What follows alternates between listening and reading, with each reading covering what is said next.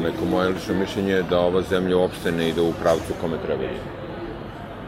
Mislim da je vlast uzurpirala sve što je mogla da uzurpira, od institucija do, do, do medija, apsolutno sve. E, slobodna reč, slobodna misao, polemika, čak ne može da se čuje ni u Skupštini više. Ranije se nije moglo čuti sad posebno s obzirom da opozicija bojkotuje rad Skupštine. S tim se ja delimično slažem, delimično ne, ali to je već neka druga tema. A ne postoji više sfera koja nije urušena do kraja. Da, prosveta najviše, zdravstvo, policija je već partijska, sudstvo gotovo da je uzeto pod apsolutnu kontrolu o medijima, da ne govorimo. Jedan čovek kontroliše sve u ovoj zemlji. Život u Nišu 2019. Pa e, sve e, izgleda sjajno i bajno, ali uopšte nije tako. Imamo dosta novih radnji, dosta novih e, tržnih centara, supermarketa i tako da i sve to izgleda sjajno s polja gledano, ali zapravo dobar deo ljudi nema novac da svrati u te radnje i da kupi to što im treba. Ono što ja smatram većim problemom je što se njihovi glasovi ne rasipaju, odnosno ne odlaze iz Srbije. Naši glasovi, glasovi opozicije, glasovi građanske Srbije odlaze iz ove zemlje. Krivi smo mi.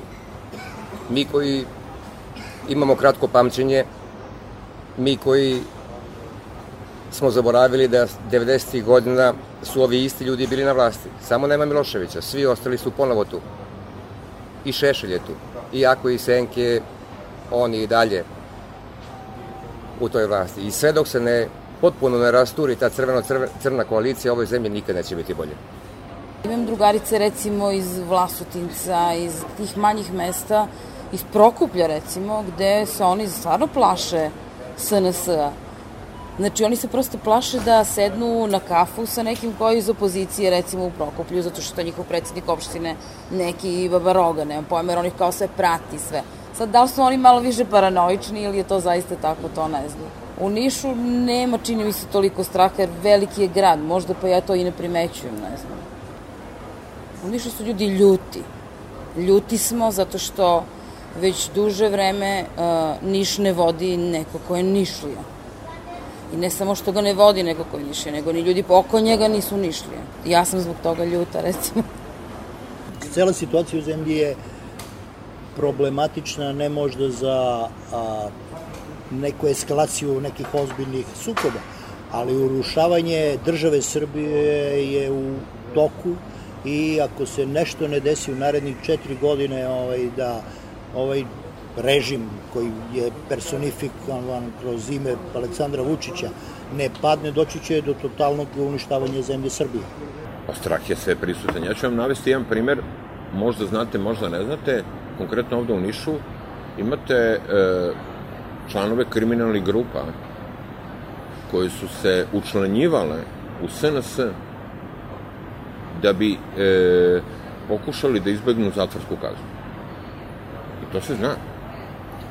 I oni su im zagarantovali to i oni su ljudi izbjegli zatvorske kazne, ali su zato SNS je dobio svoje odrede batinaša, utarivača straha kod naroda i tako dalje. I vi sve to znate i sve se to priča ovde u gradu i sve se to šuška i svi to znaju. I naravno da postoji doza straha, tu ne mogu da kažem.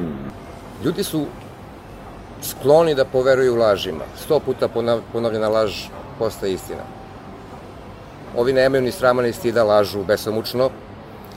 Tim svojim lažima su uspeli da ubede neke ljude, ali ništa nije do veka. Ne mogu se sve ljudi lagati sve vreme. Sve proističe iz uh, dugotrajnog, sukcesivnog uništavanja onoga što je kvalitet Srbije bio u celini. To je ta multietičnost koja je jer u Srbiji je najmanje nacionalizma i šovinizma bilo. On se pojavio tek posle 90. godine. Neki zli jezici govore da, smo, da su Srbi najveći komunisti zato što nisu mogli ovaj, sebe da nađu na pravi način i zaboravili su svoje srpstvo, što naravno nije tačno. Srbi su veliki narod koji je uvek dokazivao, ali je sada zaveden glupom idejom velike Srbije i od te velike Srbije pitanje šta će da ostane na kraju ako ovako nastavimo da radimo. Problem kao problem neće nikada biti rešen bez racionalnog pristupa a, celoj situaciji koja pre svega podrazumeva zdravo gledanje na trenutnu aktualnu političku situaciju. Koliko god pričali na današnji dan kada daje ovu izjavu, sem što je Vidovdan, veliki srpski praznik, zaboravljaju mnogo da je donesena rezolucija Inforbiroa. Tito je tada, komunistička partija je tada rekla ne, izabrala stranu i okrenula se Amerikancima. I 40 godina je Jugoslavija, a i Srbija živela gratis pod tim tom pametnom odlukom koja je dovela dotle da je uravnotežila odnose, pa su nam se posle Rusi klanjali i dolazili u situaciju da mole da se prima. Sada, pogledajte gde smo sada došli. Imamo a, deo teritorije na koji nemamo nikakvu ingerenciju, a još uvek je nazivamo svojom, zarobljenici smo svojih zabluda i Svako ko misli drugačije od trenutne aktualne politike, on predstavlja NATO plaćenika, domaćeg izdajnika i sve ono što ne valja. Ako sada prođete ovde centrom, pešaka, polomećete štiklu. A ako krenete kolima, treba će vam 20-30 minuta da izađete samo iz ovog užeg centra. U isto vreme 10 ulica raskopali, popravljaju i ko zna kad će ih završiti. I sve to tako rade. Šta god, čega god da se dotaknu, oni unište. Ne, ne razmišljaju uopšte o ljudima, o narodu, prave svoje biznise, svoje tendere, nameštaju poslove svojim ljudima. Eto, tako oni funkcionišu. Loše izgleda život, korupcija je ogromna, velika nezapošljenost, male plate, ogromni nameti, loše. Svi oko nas koji su, koje mi prozivamo neprijateljom su pobedili. Samo mi smo gubitnici izgubili smo Kosovo, nema više Jugoslavije koja je objedinjavala kompletan srpski narod, sve države koje su nastale iz bivše Jugoslavije su kako tako došle do stadijuma nekog uravnoteženog odnosa, a najveći destabilizujući faktor koji najviše destabilizuje nas same jeste Srbija. Aleksandar Vučić se predstavlja kao Mesiju, nepogrešivog čoveka koga svi treba da shvatamo kao bogom dato koji će da pomogne. On je zapravo klasičan primer gubitnika. Istorija će ga svrstati u red najvećih gubitnika koji uništio sobstveni narod. Znači, ljudima su ispravni mozgovi i jednostavno ljudi imaju ucak da ne, ne smiju da razmišljaju svojom glavom, nego ono pokri se sušima i čuti ima i gore. E, to me, to me mnogo nervira, ta, taj, ta, ta, ta, rečenica i ta, taj strah, znači što je uterao strah ljudima da ljudi ne smiju da se bore za ništa, ne smiju da kažu šta misle. Znači, znam mnogi ljude koji bi drugačije, ali ne smiju. Jer jednostavno ili rade u državnim službama ili su se zaposlili nekim javnim sektorima, ne smiju, ne smiju da, da, da puste svoj glas.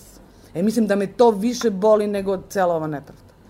Taj strah e, pored tih niskih primanja su jako loši uslovi rada, e, počevši, ne znam, od poslodavaca pa sve do najnižih nivoa operativnih, kao i, e, naravno, e, problemi sa kolegama i, tih, i u tim nekim međuljudskim odnosima, jer, naravno, ljudi postaju sve više i više apatični, negde ne možete ni da ih krivite zbog toga što su možda i lošeg raspoloženja ili su ankciozni i tako dalje. Za decu vrtićima nema mesta. Osnovci pod stresom svake godine zbog neke krađe koju ovi ne mogu da spreče, pa onda opet profitiraju ovi loši, a ova dobra deca najgore prođu. Srednjoškolce su, videli smo skoro, počeli da hapse, a vidim da sad studente prebijaju. Vi u Nišu ne možete da upišete dete u vrtić ako nemate vezu. Nema šanse da ga ubacite u vrtić. Znači, to je, to je strašno. Ove godine u svakom vrtiću po pet deteta su primljena. A znate koliko su liste čekanja? To je, mislim, ne, a za školstvo tek da vam ne pričam koliko su knjige, e, šta vam sve traže, samo vam serviraju i imam utisak da ja idem u školu, ne dete, totalno se sve izokrenulo, znači više ništa nije normalno. Onog trenutka kada dođe neko i da stvarno sedne racionalno i pogleda gde se nalazi Srbija, kakvi su nam predstavnici. Zamislite razliku između a, ministra inostranih poslova Jugoslavije Koče Popovića i Ivice Dačića. I genijalnost Koče Popovića, kako ga oni tretirali, oni iz buržovske sredine postao komunista. Prilagodio se, ne znam šta god imate da mu prebacite, ali je došao u situaciju da je predstavljao tu Jugoslaviju na pravi način. A sada se pojavljuje Ivica Dačić koji se u sredu Jedinjenih nacija predstavlja srpski narod kao najveće uh, seljačine koje su došli ispred zadruge da su popile dve flaše piva i počeli da se šamaraju. Sramota me je i svakog trenutka dok taj čovek predstavlja državu u Srbiju. A kamoli o Aleksandru Vučiću da ne pričam. To je pa posebna priča. Eto, tu su problemi. Protestujem zato što smatram da ova zemlja zaslužuje bolje. Zaslužuje da ima obrazovaniju vlast. Jer lažni doktori, lažne diplome, sve to nekako tera ovaj narod da gubi poverenje u institucije države. Da iskoristim ovu njihovu koju ponavljaju, ono što čuju od predsednika, oni svi ponavljaju posle danima ko papagaji. Nikada u istoriji nije bila ovako bahata, nepismena i nestručna vlast u Srbiji.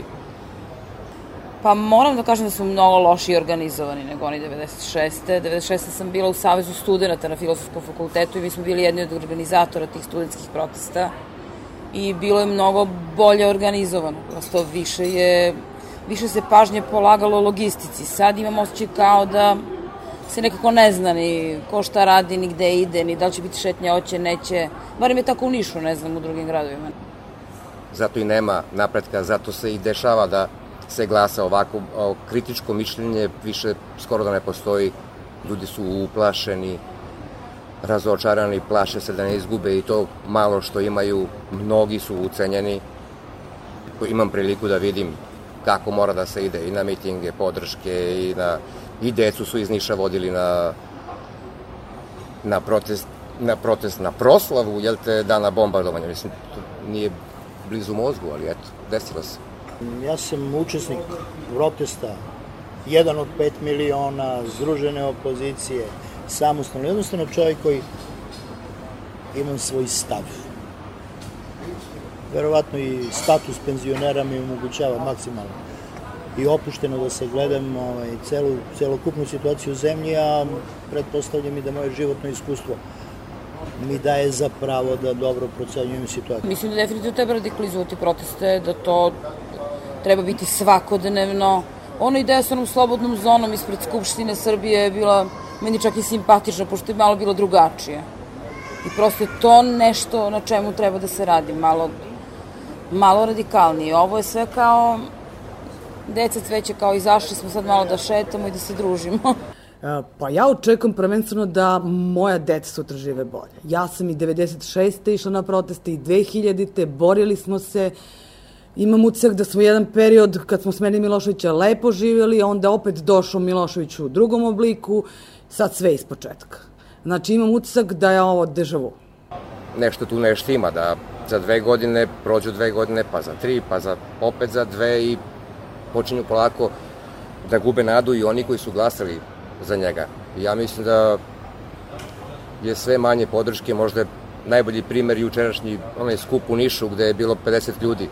Više je bilo ovi koji su izvodili vežbu nego oni koji su skandirali predsedniku. Ali ja imam utisak da se trenutna vlast hrani našim strahom i da jednostavno što je narod uplašeniji, oni su jači. Kao onog trenutka kad svi dignemo glas i kad stvarno svi izađemo na ulice, gotovi su. Tako je bilo i sa Miloševićem, ne vidim razloga što ne je bilo sad tako i sa Vučićem. Znači, svi na ulice i svi bez straha, pa ne može onda otpusti sve.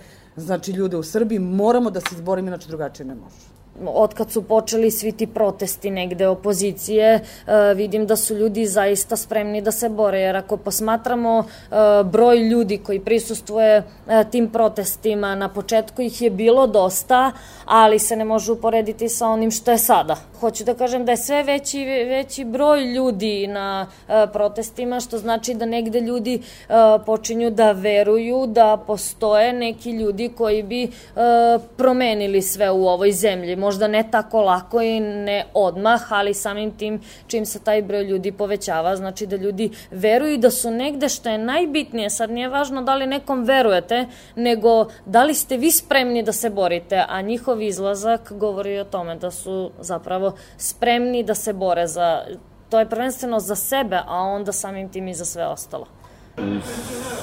Svim aspektima društva ima časnih pojedinaca, ljudi koji žele časno da rade svoj posao. Infiltracija e, ovih e, članova SNS-a i njihovih e, poltrončića jeste u svim slojima društva, ali verujem da postoje vi gledajte, vi ne možete, gledamo, na primjer, sudstvo, Vi ne možete, vi čujete na televiziji presude koje treba da donese sud. Vi zamislite sudiju koji treba da sudi u tom predmetu. Ako se očekuje, ako čuje da predsednik jedne države donosi presudu umesto njega, ja verujem da bi se čovjek zapitao da li treba da radi i da li sme uopšte da donese drugačiju presudu na osnovu dokaza ili tako dalje. Ljudi više vode računa o tome šta će kaže šef o njima, nego da li su radili posao zakonito ili ne. I sistem prebacivanja odgovornosti. A, pojavljuje se jedan normalni zakonski okvirom tužilačka istraga u pitanju. Tužilac daje nalog za sve postupke policije, ali policija na osnovu svog iskustva treba da daje sugestije šta je moguće, a šta nije moguće raditi. I sada zamislite situaciju gde tužilac izda glupu naredbu oko pribavljanja nekih nenormalnih dokaza koji ne mogu da se pravi i policajca koji zna da to nenormalno izvršava.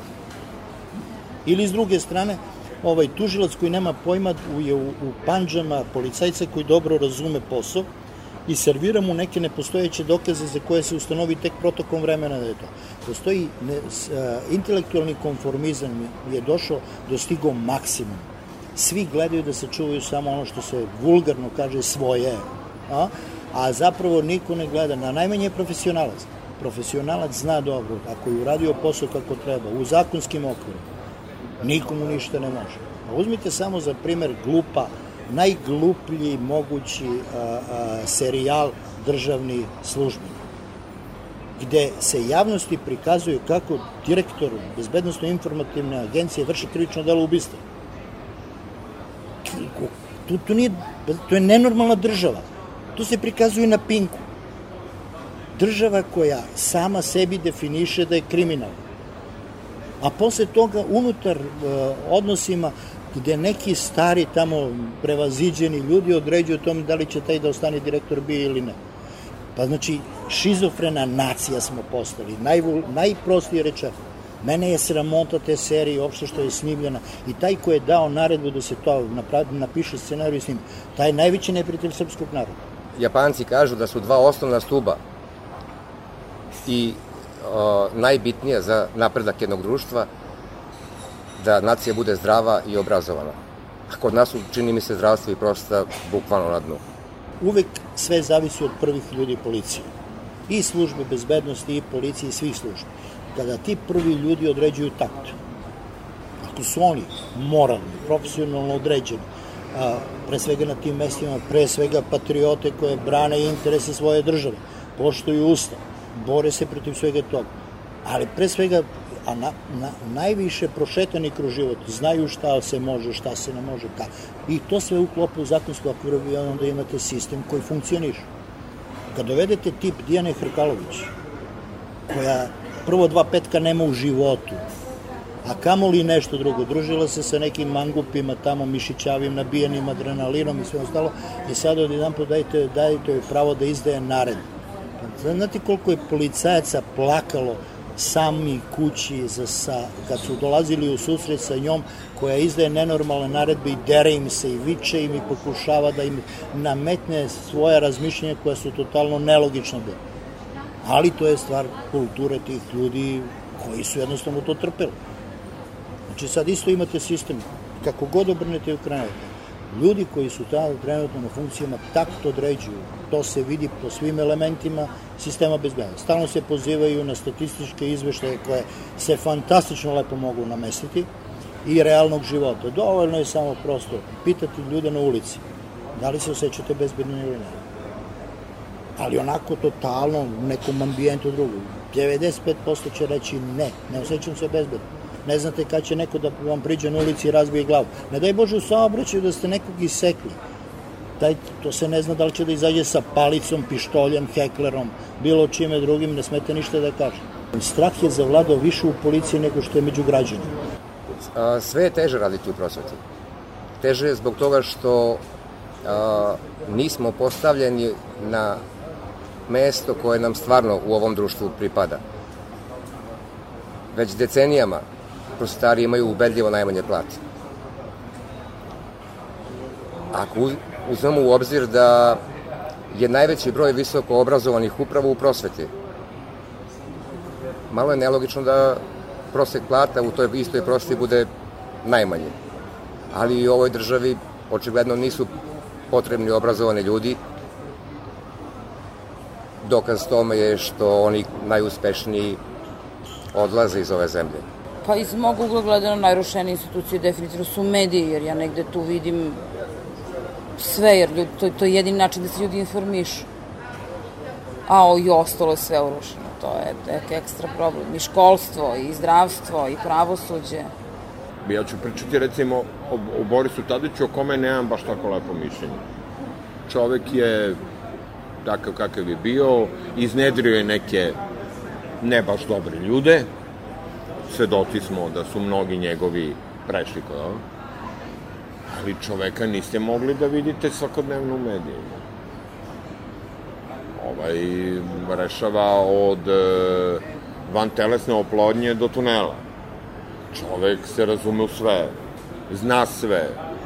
E, ljudi su mrtvi, hladni, optužili nekog čoveka u u, u Borčiju, gde su, gde je ovo bila ova poplava, da je zapušio kanalizaciju, da je kanalizacijona te bila izbetonirana. I sad, kakvu reakciju vi da imate na to? Da li da plačete, da li da se smejete, da nekomu veruje, što je najstrašnije. A mi ovako koji malo više razumemo i pratimo to, pa nije nam do smeha, ni do plača. Masu puta sam ostao nem, potpuno nem na sve reči njegove, na, jednostavno moj mozak ne može da registruje takvu vrstu ne znam, da to nisu laži, to više, to više ne znam šta. To je strašno. To je, to je, Mada mislim da su to naš, pokušaj očajnika. Pokušaj očajnika da, da, da eto, još malo ako mogu zavladaju, jer doći će na vreme, doći će na tapet rešavanje tih nekih problema koje Srbiju čekaju, pa ćemo da vidimo šta će dalje. Najveći problemi u funkcionisanju grada su prvo nepostojanje apsolutno nikakvih medija gde bi moglo da se čuje bilo šta što nije vladajuća stranka. Osim južnih vesti, moram da ih pomenem naravno, i još jedan portal imamo i lokalni građanin se zove, oni eventualno tu nešto objavljuju. Ostalo na televiziji apsolutno ništa ne može da se vidi. A većina stanovništva gleda televiziju i dan danas. Kao što ste vidi u zadnje vreme ide da gleda kanalizaciju, rešava ovo, o Kosovu se sve manje i manje priča. Jer je dobio rejting, kažem, kao što ponavljam, dio čovek je zasniva svoju politiku na rejtingu, dobio rejting da je Kosovo tema sa kojim neće proći i on će pokušati vešto da izbegne celu tu priču, ali ta tema dolazi kako se bliže kraj pregovori o pristupanju Evropskoj uniji, to je jedna od stavki a to je da Srbija neće stopirati pristupe Kosova svetskim institucijama i tako dalje. To znači automatsko priznanje države. Naši mediji liče na jednu reklamnu kampanju vladajuće stranke, odnosno čak ne možda ni vladajuće stranke, nego samog predsednika Aleksandra Vučića. Definitivno se sve svelo na to ko je on, šta je i kakav je i njegovo samo reklamerstvo i to je stvarno više preterano. I naročito ono što me naročito nervira je ta nekakva propaganda koju on mnogo čudno koristi i ta nekakva zamena teze. Evo, nedavno je sad ovo vezano za reality programe, to mi sad nešto kao zanimljivo.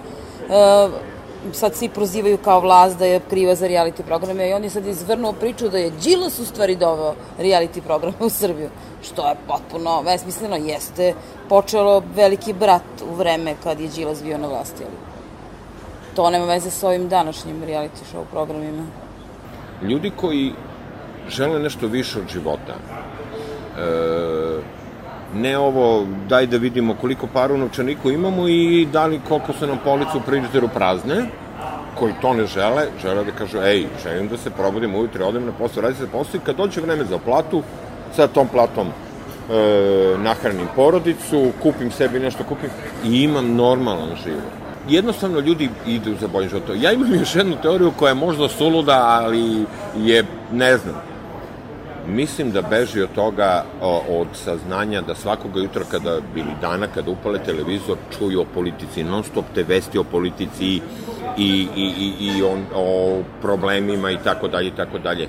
Mislim da žele da odu u inostranstvo i kad upale televizor da piju kafu i da ne znaju što se dešava oko njih e, da žive normalno, a kod nas je televizija zatrovana politikom, mislim, predsednik nam je na svim kanalima njegovi osim N1 i NS-a. Skoro sam pročitao podatak i ne znam da li je tačan, ako je tačan, stvarno je zabrinjavajući, da je u zadnjih šest godina otišlo bez malo 600.000 ljudi iz Srbije. A to je ne samo što su ta deca otišla tamo živeće bolje, to je takav genetski genocid za ovu zemlju. Tek za 20-30 godina ćemo mi biti svesni šta smo dozvolili da nam se desi.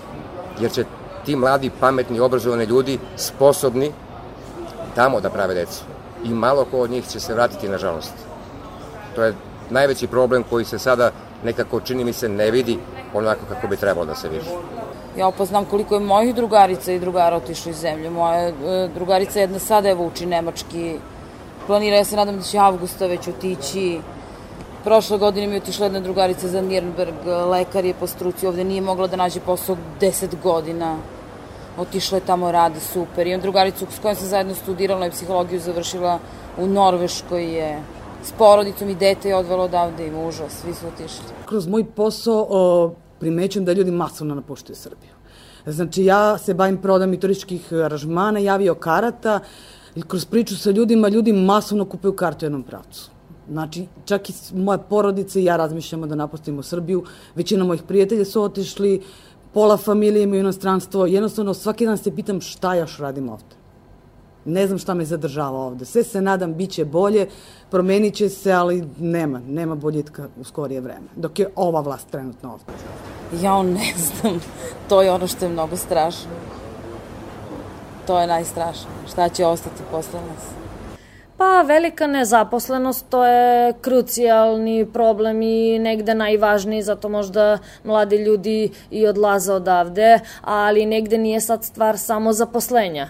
E, I e, stvar je i kada se zaposlite vrlo mali iznos primanja koji i mladi ljudi, e, ljudi zarađuju, a generalno i porodice koje treba i decu naravno da izdržavaju, da im kupuju, ne znam, knjige za školu ili već ne znam šta je. Što se tiče opozicije, e, tako je kako je, drugu nemamo. Znači, da budemo potpuno jasni. Da li je dobra? Pa i nije. Da li može biti bolje? Može. Ovo, e, ali kada bi došao dan izbora, ne bi se dvoumio oko glasanja. Znači, ja sam mišljenja da treba da se idu dve kolone, udružena opozicija, imamo da odvojimo stranke centra od stranki desnica. Znači imamo desne stranke, jedna kolona da se privuče to glasačko telo, imamo leve stranke, stranke centra da se privuče ta kolona. Naravno, to su to je zajednička borba protiv jednog zajedničkog neprijatelja, ovo, i u tom slučaju se, kažem, ja ne bi dvumio. Ja nisam čovek desnice, ne kažem da ne volim svoju zemlju, daleko toga, naravno, ja sam centraš ovo i tu ne bi imao dilema oko, e, oko glasanja.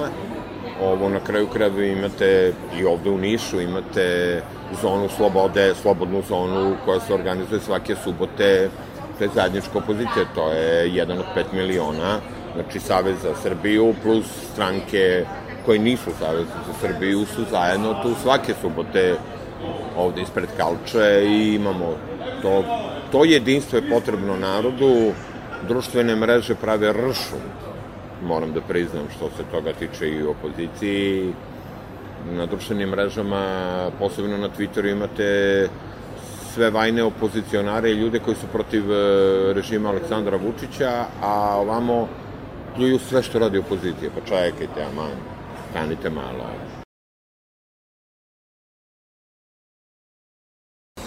Ja sam e, prilično liberalno nastrojena što se tiče politike.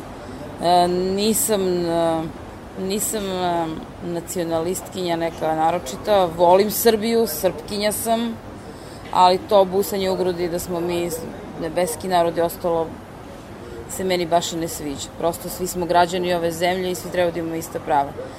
Ne, e, čini mi se da je malo čudna ova, ova sad organizacija opozicije gde je i desno i levo i da su svi zajedno. Meni lično je to malo čudno. Jer smatram da opet treba se držati nekakve ideologije. Nešto opet treba da se da postoji. Pa kao i sve institucije u ovoj zemlji, tako i opozicija prilično urušena, jer su ovih godinama jednu istu matricu vozili svi su isti, svi su isti i svi su isti. Nisu svi isti. Svaka vlast koja je smenjiva je dobra vlast. Nije važno kako se taj zove. Bitno je da ako ne radi kako valja, da sutra ne moramo na ulicu da bismo ga smenili. Da na sledećim izborima da isti padne i da gospodski ode sa vlasti što sada čini mi se da nije slučaj i da se to neće desiti tako. A, ja bih najradije da se sada svi ujedine i da svi imaju jedan cilj, da se smeni ova vlast. Pa kad se uspostavi neka i ole normalna država, da se onda krene, pa neka svako bira svog.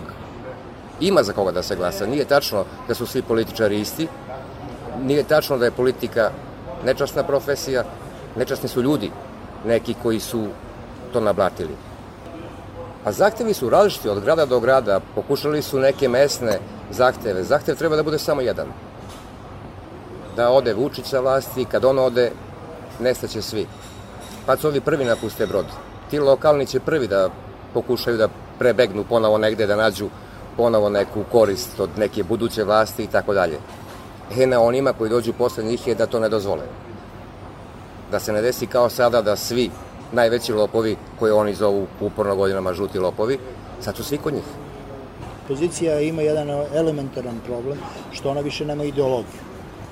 Oni su svi to, svaka od opozicijonih stranaka koji su se udružili ili nisu udružili, ne zasniva svoje političke rad na ideološkom radu, nego više zasniva na jednom pragmatičnom odnosu želje da budu Vučić mesto Vučića. I to je tako jasno svima, zato su i ovaj, okupljanje ljudi koji su u početku pokazivali enormnu količinu energije. Znači, amortizovali su do te mere i amortizovana njihova energija upravo tim nejasnim stvarima šta se hoće. Vi imate opciju građansku, imate nacionalističku, imate i šovinističku opciju. I svi oni treba da se ujedine da bi srušili Vučića. A zapravo niko od njih nema ni razloga da ga srušili, svi funkcionalno dobro živi.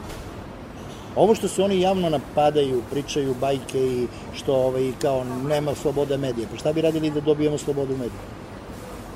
Kojim ideološkim principom mi izašli? Ja znam možda jednu stranku koja ima jasno definisan ideološki princip, ali ona zbog tog opšteg ambijenta ne može ni da dođe u situaciju da se pojavi kao borac za ideologiju kojim će omogućiti da Srbija krene napred. Sve je podređeno nacionalizmu koje polako prelazi u šovinizam, a samim tim i u nacizam. Srbija je diskvalifikovala doprinos e, i napredak učinjen 2000. godine promenom vlasti, opet vraćanjem na iste principe. Kako neko može da bude za predsednika koji je svoje vremeno govorio 100 muslimana za jednog Srbina. Znači, neko ko nekome želi smrt, kako možete nekome da verujete u kone? Pa to nas je uvelo u ovo ludilo. Meni se čini da se zid opasno zaljuljava. Da bi pao, prvo mora da se zaljuljava valjano. Ništa ne ide na, na brzinu. Bitno je da se to nastavi, da ljudi ne izgube volju, da ne izgube nadu u promene, jer ako ne promenimo nešto, propašćemo i kao država i kao nacija. Znači moramo, jednostavno moramo. Nema pravo niko da ćuti.